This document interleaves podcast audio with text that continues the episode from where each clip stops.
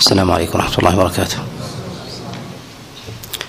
الحمد لله رب العالمين وصلى الله وسلم وبارك على نبينا محمد وعلى آله وأصحابه ومن تبعهم بإحسان إلى يوم الدين.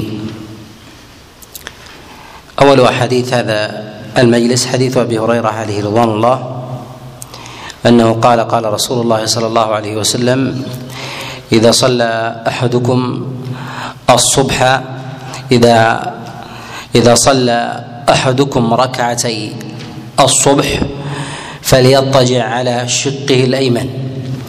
هذا الحديث جاء من حديث أبي هريرة عليه رضوان الله تعالى ورواه عنه أبو صالح. قد رواه الإمام أحمد في كتابه السنن وكذلك الإمام الترمذي وغيرهم من حديث عبد الواحد بن زياد عن سليمان الأعمش عن أبي صالح عن أبي هريرة عن رسول الله صلى الله عليه وسلم.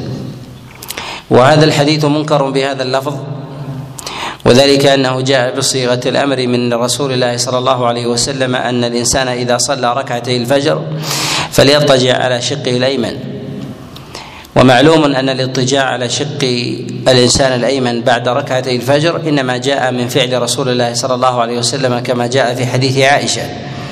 وأما أمر رسول الله صلى الله عليه وسلم للإنسان أن يضطجع على شقه الأيمن بعد ركعتي الفجر فهذا لم يأتي أمرا عن النبي عليه الصلاة والسلام إلا في هذا من هذا الوجه من حديث عبد الواحد بن زياد عن الأعمش عن أبي صالح عن أبي هريرة.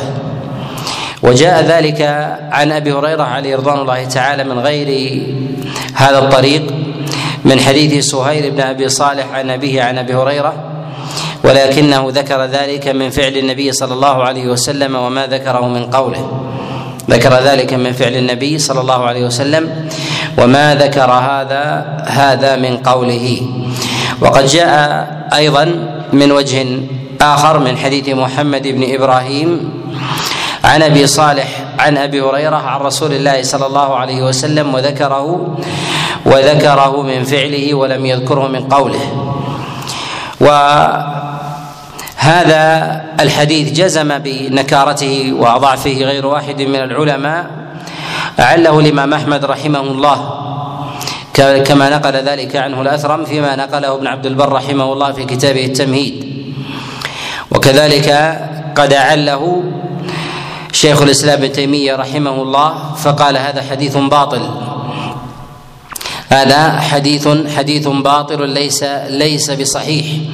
يعني الأمر بالاضطجاع بعد ركعتي الفجر. ظاهر الإسناد ظاهر الإسناد الحسن أو الصحة. وذلك أن هذا الحديث يرويه عبد الواحد بن زياد وأحاديثه واحاديثه جيدة وهو في ذاته وهو في ذاته مستقيم. يروي هذا عن سليمان بن مهران الأعمش عن أبي صالح عن أبي هريرة. ولكن إنما أخذنا النكارة وهذا ما ينبغي أن أن ينتبه له ثمة علل دقيقة في هذا في هذا الحديث. أن هذا الحديث جاء عن رسول الله صلى الله عليه وسلم بصيغة الأمر. جاء بصيغة الأمر والثابت عنه الفعل والثابت عنه عنه عليه الصلاة والسلام الفعل وهذه العلة الأولى. وذلك أن النبي عليه الصلاة والسلام كما في حديث عائشة وهو في الصحيحين أنها قالت كان النبي صلى الله عليه وسلم يصلي من الليل فإذا أوتر فإن كنت مستيقظة حدثني وإلا طجع على شقه الأيمن. بعد ركعتي الفجر. هذا من فعل النبي صلى الله عليه وسلم. ولكن الأمر قد جاء قد جاء من زياده عبد الواحد بن زياد. ولهذا في هذه الطبقة المتأخرة وفي تفرد عبد الواحد بن زياد وهي العلة الثانية في هذا الحديث عن سليمان عن سليمان الأعمش. وعبد الواحد بن زياد ليس من الرواة المكثرين ليس من الرواة المكثرين والأئمة عليهم رحمة الله يتحفظون بمفاريد الراوي المقل وكيف وقد جمع وقد جمع عبد الواحد بن زياد مع قلة حديثه تأخر تأخر طبقته. وعبد الواحد بن زياد من الطبقة المتأخرة ومفاريده مفاريد مثل هذه الطبقة مما لا يقبلها العلماء. ومن العلل أيضا أن عبد الواحد بن زياد أن عبد الواحد بن زياد بصري. و وعناية البصريين والكوفيين بفقه الحديث أكثر من عنايتهم بروايته عنايتهم بفقه الحديث أكثر من عنايتهم بروايته ولهذا ربما يروون الحديث على غير وجهه من معنى تبادر إلى ذهنهم. بمعنى تبادر إلى ذهنهم. فهذا الحديث فهذا الحديث وهو حديث الاضطجاع بعد ركعتي الفجر هو جاء عن النبي عليه الصلاة والسلام فعلا. لكن لما كان عبد الواحد بن زياد من المقلين بالرواية وليس أيضا من المشهورين بالفقه فليس ممن ينقل عنه الفقه من البصريين. كان مع قلة الفقه كذلك أيضا قلة الرواية فإنه لم يفرق بين رواية الحديث رواية الحديث بالفعل وروايته وروايته بالقول. فأوجد معنى جديدا في هذا أوجد معنى جديد. ولهذا نقول إن بعض الفقهاء أخذا بظاهر رواية عبد الواحد بن زياد قال بوجوب الاضطجاع بعد ركعتي الفجر وهو قول ابن حزم الأندلسي رحمه الله وهو قول ابن حزم الأندلسي. وذهب بعض العلماء إلى أن الاضطجاع بعد ركعتي الفجر ليس من السنة أصلا وإنما كان يفعلها النبي استراحة بعد قيام الليل. يفعلها النبي استراحة بعد قيام الليل فكان يصلي من الليل فإذا أوتر انتظر ثم صلى ركعتين فإن كانت عائشة مستيقظة وإلا اضطجع. ولو كانت سنة لفعلها النبي عليه الصلاة والسلام وما نظر إلى عائشة أمستيقظة هي أم لا. ولهذا عائشة قيدت الركعتين في قيدت الضجعة بعدم بعدم استيقاظها وأنها إذا كانت مستيقظة تحدث إليها وإذا لم تكن مستيقظة فإن النبي صلى الله عليه وسلم يضطجع على شقه الأيمن يضطجع على على شقه الأيمن. ولهذا الإمام أحمد رحمه الله يقول هذا الحديث لا يرويه إلا عبد الواحد بن زياد. لا يرويه إلا عبد الواحد بن زياد عن الأعمش. وقال عليه رحمة الله في رواية قال هذا ليس ليس بذاك. يعني حديث أبي هريرة عليه رضوان الله تعالى في الأمر. وهذا الخلاف الذي نشأ في كلام العلماء عليهم رحمة الله في أمثال هذه في أمثال هذا الفهم لحديث أبي هريرة. إنما نشأ بهذا الوهم الذي طرأ على عبد الواحد بن زياد في روايته في روايته عن الأعمش. ثم أيضا أن عبد الواحد بن زياد في روايته عن الأعمش عن أبي صالح خالفه سهيل بن أبي صالح. وسهيل بن أبي صالح هو أوثق بالرواية عن أبيه. أوثق بالرواية عن أبيه. فروى هذا الحديث سهيل عن أبيه عن أبي هريرة عن رسول الله صلى الله عليه وسلم من فعله. وما ذكر ذلك وما ذكر ذلك أمرا أمرا من قوله. بعض المحدثين يجعل سهيل يخالف الأعمش. يجعل سهيل يخالف الأعمش. وسهيل لم يخالف الأعمش وإنما خالف رواية عبد الواحد بن زياد. رواية عبد الواحد بن زياد في روايته عن سليمان الأعمش. وذلك أننا من القواعد عندنا أن الحديث إذا إذا روي عن النبي صلى الله عليه وسلم من من من وجه ثم خولف أحد الرواة فيه فوجدنا أن الراوي الذي خولف أن الراوي الذي خولف ثقة حافظ. ويوجد في الإسناد من هو دونه ولكن في غير هذه الطبقة. فنلحق العلة بالضعيف أو من دون ذلك الثقة باعتبار أن الوهم أنه أقرب أنه أقرب إلى الوهم أنه أقرب إلى الوهم كما ألحقنا هنا التفرد وألحق الإمام أحمد رحمه الله. الوهم هنا في عبد الواحد بن زياد. عبد الواحد بن زياد في روايته عن الأعمش مع أن ظاهر المخالفة أن الأعمش يعتبر قرينا لسهيل بن أبي صالح في روايته عن أبي صالح.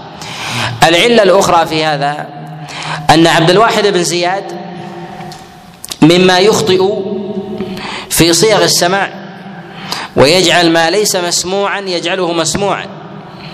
ما ليس مسموعا يجعله مسموعا.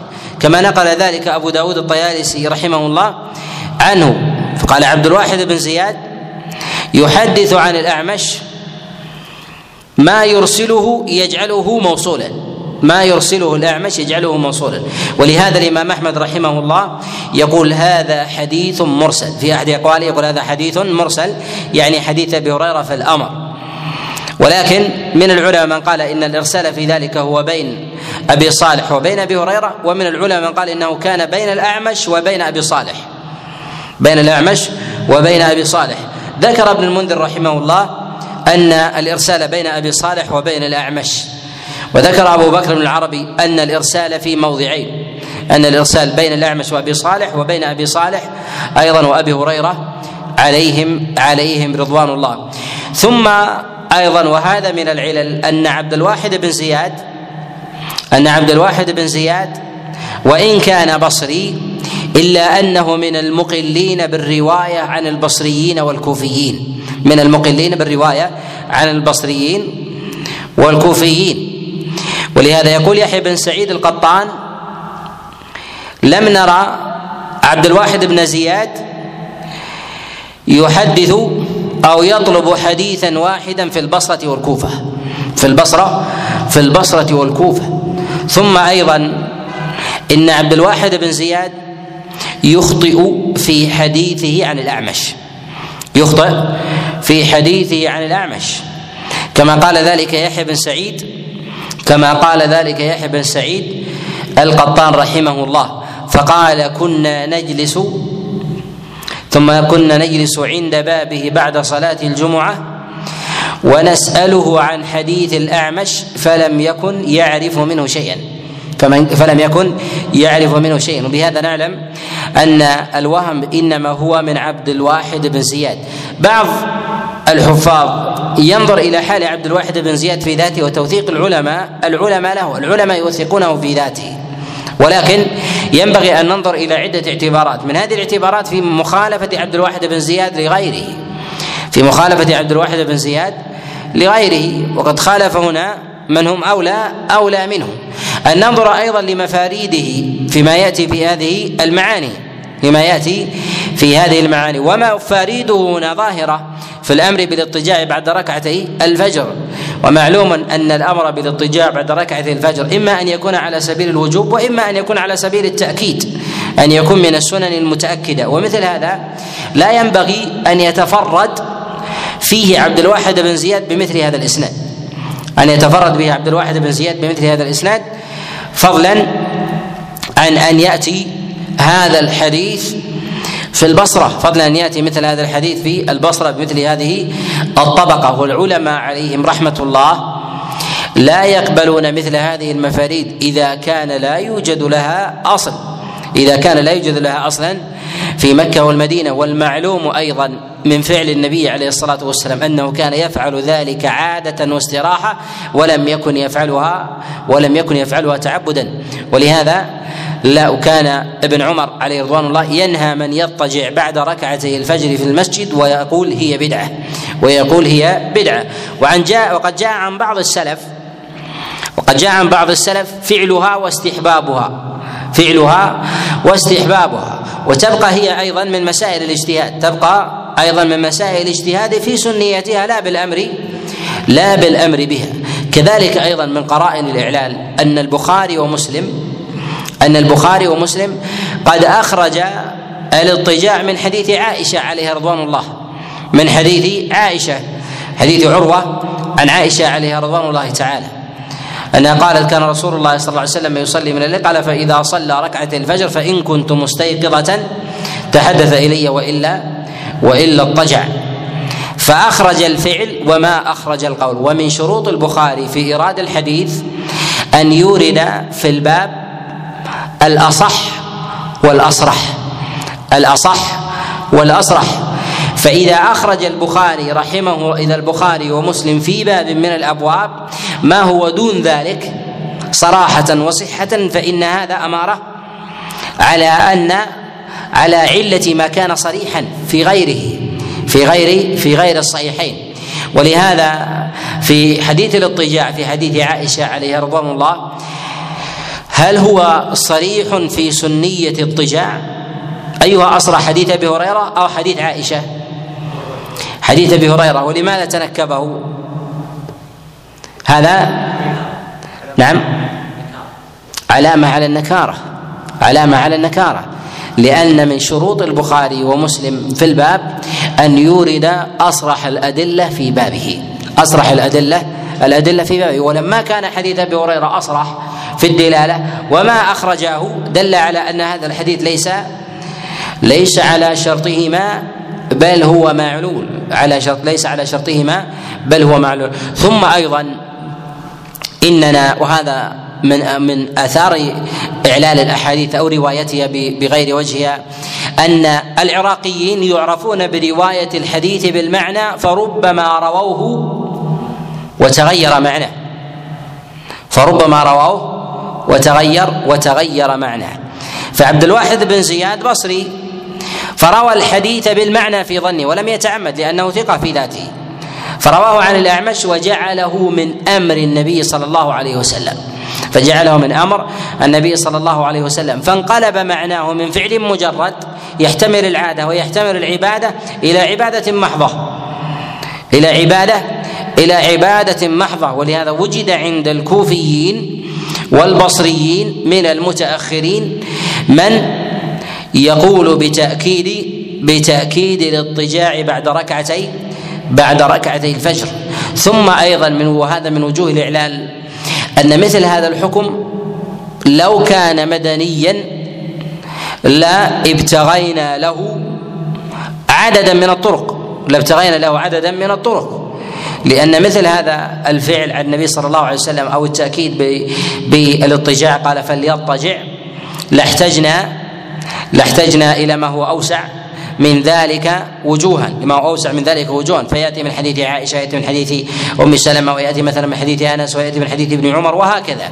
لأن مثل ذلك أمر يتكرر كل يوم أمر يتكرر كل يوم. وتقدم معنا أن الأعمال المتكررة في عمل الناس إذا كان ذلك على سبيل التأكيد والأمر وجب أن تتعدد الطرق. فإذا كان حديث أبي هريرة عليه رضوان الله في أمر الاضطجاع في الأمر بالاضطجاع بعد ركعة الفجر على ظاهره نقول لو كان مدنيا لوجب لوجب علينا أن نطلب له طرقا متعددة فكيف وهو بعيد؟ فهو فكيف وهو بعيد عن عن الحجاز؟ ولهذا نقول إن هذا إن هذا الحديث منكر بل جزم شيخ الإسلام ابن تيمية فيما نقل عنه عنه ابن القيم رحمه الله في زاد المعاد قال هذا الحديث هذا الحديث باطل. هذا الحديث باطل وليس وليس بصحيح. وإذا نظرنا في كلام المتأخرين وعامة المخرجين نجد أنهم يحكمون على هذا الحديث بالصحة. نجد أنهم يحكمون على هذا الحديث على هذا الحديث بالصحة بالنظر إلى ظاهر الإسناد. وظاهر الإسناد في رواية عبد الواحد بن زياد عن الأعمش عن أبي صالح عن أبي هريرة هؤلاء من من الثقات. ولكن للأئمة عليهم رحمة الله نظر دقيق في مسائل في مسائل العلل فيحكمون على حديث بعلة فيحكمون على حديث بعلة قد تكون ظاهرة وقد تكون وقد تكون خفية. ولهذا من نظر إلى ومن أشد العبارات اطلاقا في هذا الحديث عبارة شيخ الإسلام ابن تيمية رحمه الله في قوله هذا حديث باطل. هذا حديث هذا حديث باطل وهذا من فقهه رحمه الله ومن دقة نظره. هذا من فقهه ودقة نظره في أبواب في أبواب العلل. ولو جرى اخذا على على طريقة المتأخرين في الحكم على الأحاديث لكان لكان ممن يقول بالعمل بهذا الحديث أو قال على الأقل يقول بصحته ويصرف ويصرفه من جهه من جهة العمل. وثمة قرائن دقيقة يدق من هذا وعمل الخلفاء الراشدين هذا لم يكن معروفا في عملهم وأقرب الناس اقتداء أيضا. فإن النبي صلى الله عليه وسلم كان يخالطهم وهم أقرب الناس إليه في غزواته وأسفاره وفي حجه عليه الصلاة والسلام. ومع ذلك ما نقلوا عنه ذلك عنه عليه الصلاة والسلام. وكما تقدم هو المعروف من فعل النبي عليه الصلاة والسلام. جاء في حديث عبد الله بن عباس عليه رضوان الله في مبيته عند خالته ميمونة. في مبيته عند خالته ميمونة. وهذا قد يدخل في بابنا في باب هذه الأحاديث من وجه و وهو أن النبي صلى الله عليه وسلم اضطجع بعد ركعة الفجر. وهذا وهذا غلط. وهذا غلط لأنه جاء من حديث رجل رواه البيهقي من حديث رجل عن سعيد بن جبير عن عبد الله بن عباس. عن عبد الله بن عباس. وهذه الرواية منكرة. هذه الرواية الرواية منكرة. فجعل ضجعة النبي صلى الله عليه وسلم ضجعة النبي صلى الله عليه وسلم بعد ركعتي الفجر. والصواب أن ركعة أن النبي صلى الله عليه وسلم إنما اضطجع اضطجع بعد قيام الليل وفي خل... وفي أثنائه. اضطجع بعد قيام الليل قبل ركعتي الفجر. وهذا هو الأصح في حديث كريب مولى عبد الله بن عباس عن عبد الله بن عباس في قصة مبيت النبي صلى الله عليه وسلم عند خالته عند خالته ميمونة. بهذا نقول إن تلك الرواية التي ذكرها البيهقي رحمه الله في كتاب السنن من حديث رجل عن سعيد بن جبير عن عبد الله بن عباس أنها لا تصح. بعض العلماء يرد بحديث عبد الله بن عباس حديث عبد الواحد بن زياد. نقول حديث عبد الله بن عباس منكر أصلا لأن الضجعه رويت على غير وجهه والاسناد فيه جهالة ولسنا بحاجة إلى إلى جعل حديث عبد الله بن عباس يعيل حديث عبد الواحد بن زياد باعتبار أن حديث عبد الله بن عباس خطأ وحديث أيضا. رواية عبد الله سعيد بن جبير عن عبد الله بن عباس في جعل الضجع بعد ركعتي الفجر خطأ وحديث عبد الواحد بن زياد هو خطأ لدلالات لدلالات متعددة في هذا في هذا الباب. وابن حزم الأندلسي رحمه الله يقول بوجوب الاضطجاع بعد ركعة الفجر ويستدل بهذا يستدل بهذا الحديث حديث أبي هريرة عليه رضوان الله تعالى. وخلاف الفقه في هذا قد تكلم عليه بما لا مزيد عليه ابن القيم رحمه الله في كتابه زاد زاد المعاد. وذكر من جاء عنه القول بالسنية ومن قال بأن هذا هذا عاده قد سئل الإمام أحمد رحمه الله آه، عنها فقال لا أفعلها. فقال لا أفعلها. فقيل له إن فعلها أحد فقال حسن. قال إن فعل أحد فقال حسن. ولو كانت عند الإمام أحمد رحمه الله لما قال لما قال لما فعلها مع حرصه على السنة ثم أيضا ما قال لو فعلوا لقال حسن يعني أنه يقتدي بمجرد الفعل ولو كانت عبادة لقال لقال إنها لقال إنها سنة. ومعلوم منهج الإمام أحمد رحمه الله في الاتباع وتقوية الأحاديث ثم لو ثبت عنده حديث أبي هريرة عليه رضوان الله تعالى لقال به وقد جاء انكاره له من عده من عدة روايات جاء من حديث رواية أبي طالب عنه وجاء أيضا من رواية من رواية المروزي عن الإمام أحمد رحمه الله. الحديث الثاني هو حديث قيس ابن قهد. قال صليت مع رسول الله صلى الله عليه وسلم صلاة الفجر. ثم قمت فرآني أصلي ركعتين. فقال النبي صلى الله عليه وسلم بعد انقضاء الصلاة أصلاتين معا؟ قال فقلت يا رسول الله إني إني لم أصلي ركعتي الفجر. فقال النبي صلى الله عليه وسلم فلا إذن. يعني صلها. هذا الحديث رواه الإمام أحمد في كتاب السنن وأبو داود والترمذي والنسائي وابن ماجه من وجوه متعددة. جاء من حديث سعد ابن سعيد وهو أخو يحيى بن سعيد الأنصاري. سعد بن سعيد عن محمد بن إبراهيم عن قيس عن رسول الله صلى الله عليه وسلم. وهذا الحديث وهذا الحديث حديث معلول ومعلول بعدة بعدة علل. معلول بالانقطاع فإن محمد بن إبراهيم لم يسمعه من قيس. فإن محمد بن إبراهيم لم يسمعه لم يسمعه من قيس. وسعد بن سعيد قد ضعفه بعض العلماء ضعفه الإمام أحمد رحمه الله وكذلك جرحه ابن حبان فقال لا يحتج لا يحتج به وقال لا يحل الاحتجاج الاحتجاج به. وقال النسائي ليس بالقوي وقال يحيى بن معين ليس به بأس. وقول يحيى بن معين ليس به بأس أو لا أرى به بأسا يحيى بن معين رحمه الله وكذلك أيضا وهذا منهج عند ابن عدي رحمه الله أن إطلاقهم على بعض الرواة ليس به بأس. أننا إذا وجدنا هذا يخالف كلام الأئمة في الجرح فإنهم يريدون بذلك أنه لا يتعمد الكذب. أنه لا يتعمد الكذب. فليست تعديلا محضا. فليست تعديلا محضا. تحمل على التعديل تارة وتحمل على الجرح تارة. تحمل على الجرح تارة. بحسب بحسب كلام العلماء في في ذلك في ذلك الراوي. ثم أيضا إن هذا الحديث قد اختلف في وصله وإرساله. فجاء من حديث سعد بن سعيد عن محمد بن إبراهيم عن قيس وجاء أيضا مرسلا من حديث سعد بن سعيد عن محمد بن إبراهيم مرسلا عن النبي عليه الصلاة والسلام. فلم يذكر فيه فلم يذكر فيه قيسا. ذكره الترمذي رحمه الله في كتابه في كتابه السنن. وقد أعله بالانقطاع كما تقدم بأن محمد بن إبراهيم لم يسمعه من قيس الإمام أحمد والترمذي فإن الترمذي قال ليس إسناده بالمتصل. ليس إسناده ليس إسناده بالمتصل. وهذا الحديث جاء أيضا من وجه آخر رواه عبد رواه عبد ربه ابن سعيد ويحيى بن سعيد. أبناء سعيد الأنصاري. يحيى بن سعيد الأنصاري وأخوه عبد ربه يرويانه عن سعيد. وهذا الحديث رواه هكذا وظاهره الإعضال. رواه هكذا وظاهره الإعضال.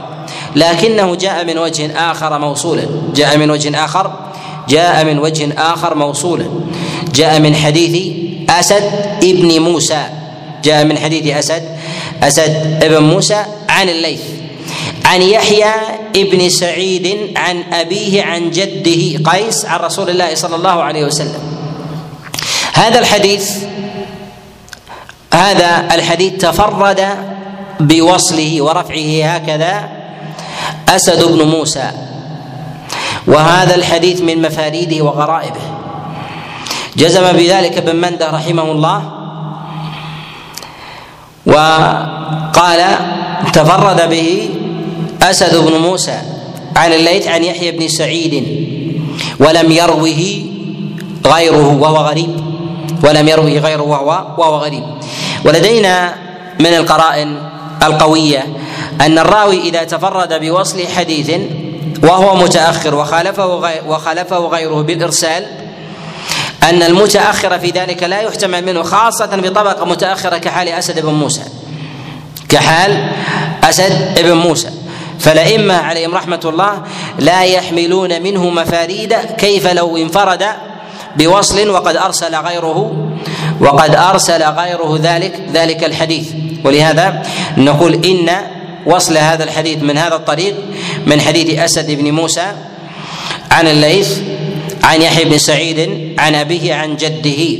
فنقول إن هذا الحديث إن هذا الحديث من هذا الوجه مما مما لا يقبله العلماء. وقد أخرجه ابن حبان وابن خزيمة والحاكم من حديث أسد بن موسى من هذا الوجه. وصححه وعمدة من صححه من المتأخرين هذا الوجه. فيصححون حديث قيس بهذا من هذا الطريق فيصححون حديث قيس من هذا من هذا الطريق ويجعل ويجعلونه عمدة في صلاة ركعتي الفجر بعد صلاة الفجر لمن فاتته. فيجعلان هذا الحديث في قضاء ركعتي الفجر بعد صلاة الفجر لمن لمن فاتته وهو حديث منكر. وهو حديث وهو حديث وهو حديث منكر. جاء هذا الحديث من وجه آخر جاء من وجه آخر من حديث أبي قيس عن محمد بن إبراهيم. عن محمد بن إبراهيم عن قيس. رواه الشافعي رحمه الله. بعض العلماء يقول إن هذه متابعة لسعد بن سعيد. ولكن نقول إن أبا قيس هو سعد بن سعيد. لأن سعد بن سعيد جده قيس.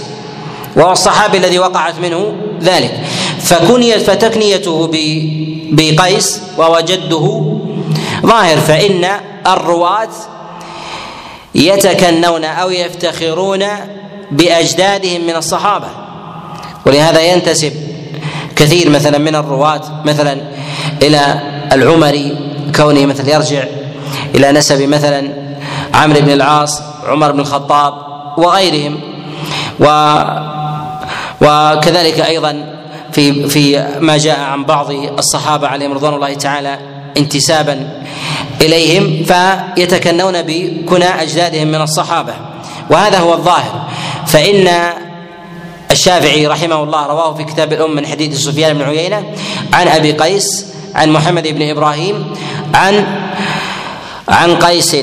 ف ثم أيضا انه العلة فيه باقية وروايه محمد إبراهيم عن قيس فإنه لم يسمع منه على ما تقدم. على ما تقدم الكلام الكلام عليه. جاء هذا الحديث من وجه آخر أيضا من حديث الحسن بن ذكوان. من حديث الحسن بن ذكوان. عن عطاء ابن أبي رباح قال أخبرني رجل من الأنصار أن رجلا قال للنبي صلى الله عليه وسلم فذكر الخبر. وهذا الحديث لا يصح أيضا. والرجل الذي حدثه حدث عطاء فيما يظهر لي أنه سعد بن سعيد. لأن عطاء هو من رواة الحديث عن سعد بن سعيد عن محمد بن كثير عن قيس. من رواة هذا الحديث عن سعد بن سعيد كما نقله الترمذي رحمه الله. وبعض العلماء يجعل هذا طريقا آخر للحديث جعله طريقا آخر يعضده به. ولكن عطاء قد روى هذا الحديث عن سعد بن سعيد روى هذا الحديث عن سعد بن سعيد كما نقله الترمذي رحمه الله في كتابه السنن ولهذا نقول إن هذا الحديث إن هذا الحديث مداره على سعد بن سعيد موصولا مداره على سعد ابن سعيد موصولا ولا ولا يصح.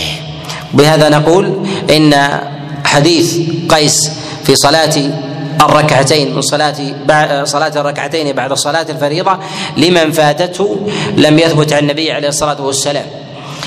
الحديث الرابع في هذا هو حديث أبي هريرة عليه رضوان الله. أن رسول الله صلى الله عليه وسلم قال من فاتته ركعتي الفجر فليصليهما بعد طلوع الشمس أو فليقضيهما بعد طلوع الشمس. هذا الحديث جاء عن أبي هريرة من حديث عمرو بن عاصم من حديث عمرو بن عاصم عن همام عن قتادة عن أبي النضر عن بشير بن نهيك عن أبي هريرة عليه رضوان الله. وهذا الحديث حديث تفرد به عمرو بن عاصم. وإن كان ثقة إلا أن طبقته متأخرة ولا يعرف إلا من هذا الوجه كما قال ذلك الترمذي. وحكم عليه بالنكارة ابن رجب رحمه الله في الفتح. و ثم إن هذا هذا الحديث قد وهم في لفظه وروي من غير على غير على غير ما لفظ فجاء من فاتته ركعتي الفجر قبل أن تطلع الشمس يقضيهما وجاء في رواية فليقضيها فليقضيهما بعد طلوع الشمس. وهذا اضطراب. وهذا وهذا اضطراب. وحديث أبي هريرة عليه رضوان الله بهذا اللفظ تفرد به عمرو بن عاصم. وبهذا نقول إن قضاء ركعتي الفجر لم يثبت فيه عن رسول الله صلى الله عليه وسلم خبر. إلا ما جاء في حديث عمران وغيره في صلاة رسول الله صلى الله عليه وسلم ركعتي الفجر قبل صلاة الفجر حينما نام عن حينما نام عليه الصلاة والسلام عن صلاة الفجر في غزوة تبوك. فصلى ركعتي الفجر ثم صلى الفريضة بعدها. ثم صلى الفريضة الفريضة بعدها. ويبقى هنا لدينا مسألة وهي مسألة قضاء الركعتين بعد الفجر. هل الإنسان يقضيها بعد الصلاة أو يقضيها بعد طلوع الشمس؟ أو يقضيها بعد طلوع الشمس. نقول إنه لا يثبت في هذا عن النبي عليه الصلاة والسلام شيء. ولو صلاها الإنسان بعد ركعته الفجر فجاء عن بعض السلف. ولو صلاها بعد طلوع الشمس فقد جاء عن بعضهم عن بعضهم أيضا. ولكن ذلك لم يثبت ولكن ذلك لم يثبت عن رسول الله عن رسول الله صلى الله عليه وسلم. الحديث الخامس نعم. الرابع نعم. أعلم حديث أنس موقوف. موقوف. سمير. هذا أي حديث؟ ها؟ خامس. هذا أضبط. شوف الآن الكثرة أحيانا تخالف شوف التفرد أقوى من الكثرة. نعم؟ أنا أريكم الآن. عطى نعم؟ لا يقظة. هذه يقظة. حديث؟ ها؟ ها؟ دقيقة. الحديث الأول؟ ها؟ حديث عبد الواحد بن زياد. ثم حديث عبد الله بن عباس. ها؟ ها؟ ها؟ ذكرنا حديث عبد الله بن عباس الذي رواه رجل عن سعيد عن عبد الله بن عباس. ذكرنا في مخالفته لأبي كريب. رواية كريب مولى عبد الله بن عباس عن ابن عباس. ها؟ هذا حديث اخر كيف؟ الحديث عبد الواحد طيب. بعضكم وهم وبعضكم أصاب. بعضكم واهم وبعضكم بعضكم أصاب. نعم.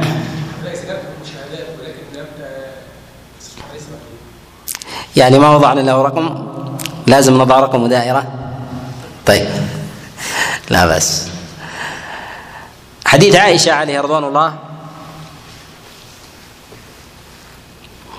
أن النبي صلى الله عليه وسلم قال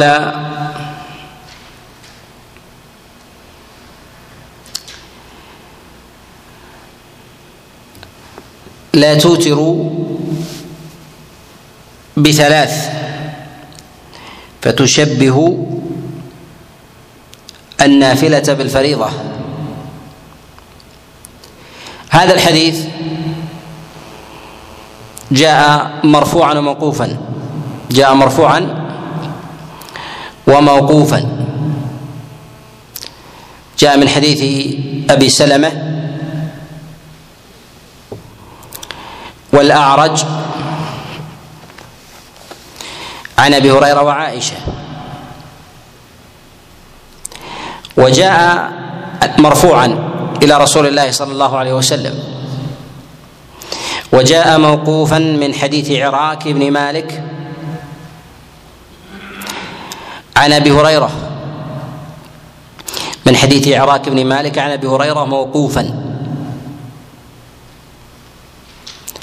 وهذا وهذا هو الصواب. الصواب فيه فيه الوقف. هذا الحديث ثمة أحاديث في الباب جاءت على سبيل العموم بأن النبي صلى الله عليه وسلم أوتر بثلاث. وهي أحاديث وهي أحاديث صحيحة ومشتهرة. ولكن الإشكال في مسألة الجلوس هل يجلس الإنسان ويشبه بها أو يقوم يصل الثلاث بغير بغير جلوس. بعض العلماء حمل النهي الوارد هنا بالجلوس أن يجلس الإنسان كهيئة صلاة صلاة المغرب. لدينا مسألة وهي أيضا أحسبها مهمة ويغفل عنها كثير من طلاب العلم وهي أن النبي صلى الله عليه وسلم كان يقرأ بسبح وقل يا أيها الكافرون وقل هو الله أحد في وتره. هذا في الثلاث المتصلة. هذا في الثلاث المتصلة. لا في الركعتين والوتر بعدهما. يشيع عند كثير من الناس وطلاب العلم وربما علماء يصلون ركعتين يقرؤون بسبح يا الكافرون ثم يسلمون ثم يقرؤون بقل هو الله أحد. هل هذه تابعة لتلك؟ لا. منفصلة عنه. هذا أوتر بواحدة أو أوتر بثلاث. أوتر بواحدة. إذا تلك الركعتين هل هي من الوتر؟ ليست من الوتر.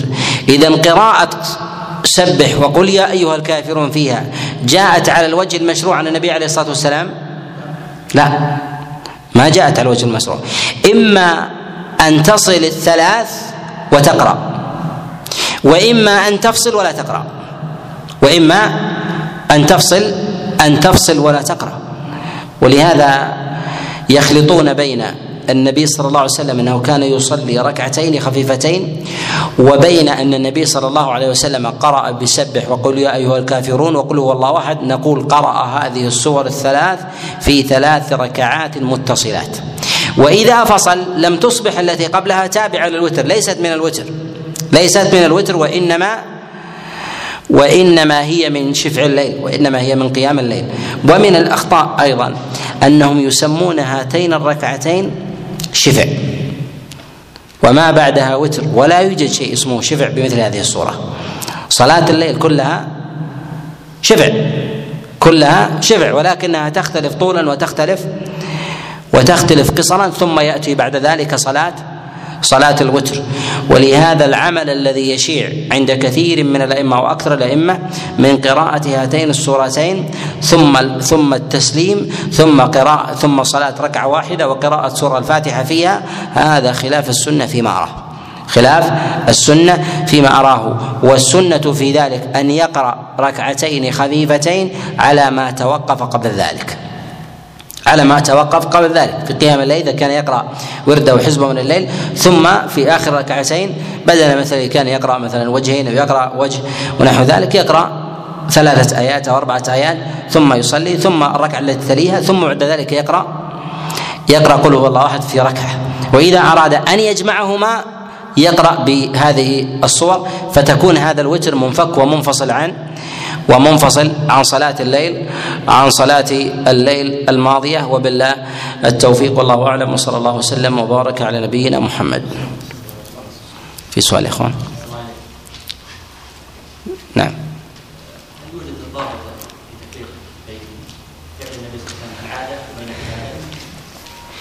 يقول ما هو الضابط في فعل النبي عليه الصلاة والسلام في عادة أو عبادة؟ نقول لدينا أمر وهو أن أفعال النبي عليه الصلاة والسلام ثلاثة أقسام. القسم الأول فعل العبادة وهذا هو الأصل. الأصل في افعاله العبادة. الثاني فعل العادة. فعل العادة. فعل العادة الذي يشترك معه غيره. يشترك معه غيره. وهذا إنما أخرجناه لأنه اشترك مع فعل النبي غيره من الناس. وذلك كاللباس الألبسة. الإنسان يلبس لباسا يلبس غيره من الناس كالإزار والرداء العمامة النعال والصندل أو غيرها مما كان النبي عليه الصلاة والسلام يلبسها. فنقول في مثل هذا هذا هي مفعل عادة. لدينا فعل جبلة يفعله الإنسان جبلة لا إرادة له في ذلك. وذلك كاشتهاء نوع من الطعام. اشتهاء نوع من الطعام. أو طريقة المشي ونحو ذلك. هذا يفطر عليها الإنسان. يفطر عليها الإنسان. لهذا الإنسان لا يمكن أن يتكلف شهوة طعام لا تحبه نفسه. أصناف الطعام لا يختارها الإنسان. موجودة مركبة فيه. يحب هذا النوع لا يحب هذا. لا يحب هذا. فيختلف. فتجد مثلا أخوين من بطن واحد هذا يحب هذا وهذا يكره هذا. هكذا تجبل النفوس على هذا. ولهذا ما يدخل في هذا الباب من استحباب من من آه من النبي عليه الصلاة والسلام أكله من طعام معين وعدم أكله من طعام من طعام معين. ويخرج من هذا ما استحبه النبي بنص مستقل. وكالتمر النبي عليه الصلاة والسلام فضل التمر بأحاديث كثيرة سواء جنس التمر أو عدد الأكلات عدد التمرات. فنقول هذا قد خرج ب قد خرج بدليل بدليل مستقل. ولهذا نقول إن فعل النبي عليه الصلاة والسلام في اضطجاعه هذا من فعل من فعل العادة. الإنسان يضطجع ليستريح إما أن يكون مثلا بعد قيام ليل أو مثلا بعد قيام طويل أو بعد عناء أو نحو ذلك فيضطجع في هذا. يخرجه من الحكم من فعل العادة إذا وجد نص. إذا وجد نص حث على هذا لو صح حديث عبد الله بن زياد عبد الواحد بن زياد لقلنا به. الأمر الثاني يخرجه من هذا التكرار المستديم قصدا يتقصد مثل هذا الشيء. فمثل إذا تقصد مثل هذا الشيء فنقول فنقول به. أو جاء أمر مخصوص به بعينه. مثلا قلنا من اللباس أنه من أفعال من أفعال العادات. يأتينا شخص يقول اذا الإسبال جائز وتقصير الثوب تشميره عادة. هل يصح هذا؟ لا لأنه أخرجه النص. نقول أخرجه أخرجه النص. والنص على النبي عليه الصلاة والسلام في النهي عن الإسبال. وفي قوله أزرة المؤمن نصف الساق ولا بأس ما بينه وبين ما بين الكعبين. قال النبي عليه الصلاة والسلام ما أسفل من الكعبين من بزاره في النار. إذا خرج من هذه الدائرة. لكن لو جاء النقل خاصا بأن النبي عليه الصلاة والسلام لبس إزارا لبس رداء لبس عمامة كان إزاره على كذا. هذا نقول من من من أمور العادات. قل هذا من أمور العادات ولكن جاء نص أخرجها أخرجها من ذلك الحكم. فجاءت أحكام في الألبسة. استثنت ذلك الأمر النهي عن لبس الحرير في مسألة النهي عن عن الإسبال النهي عن لباس الشورى وغير ذلك من أمور الألبسة كلبس الذهب والفضة للرجال وغيرها من وغيرها من أحكام. نعم.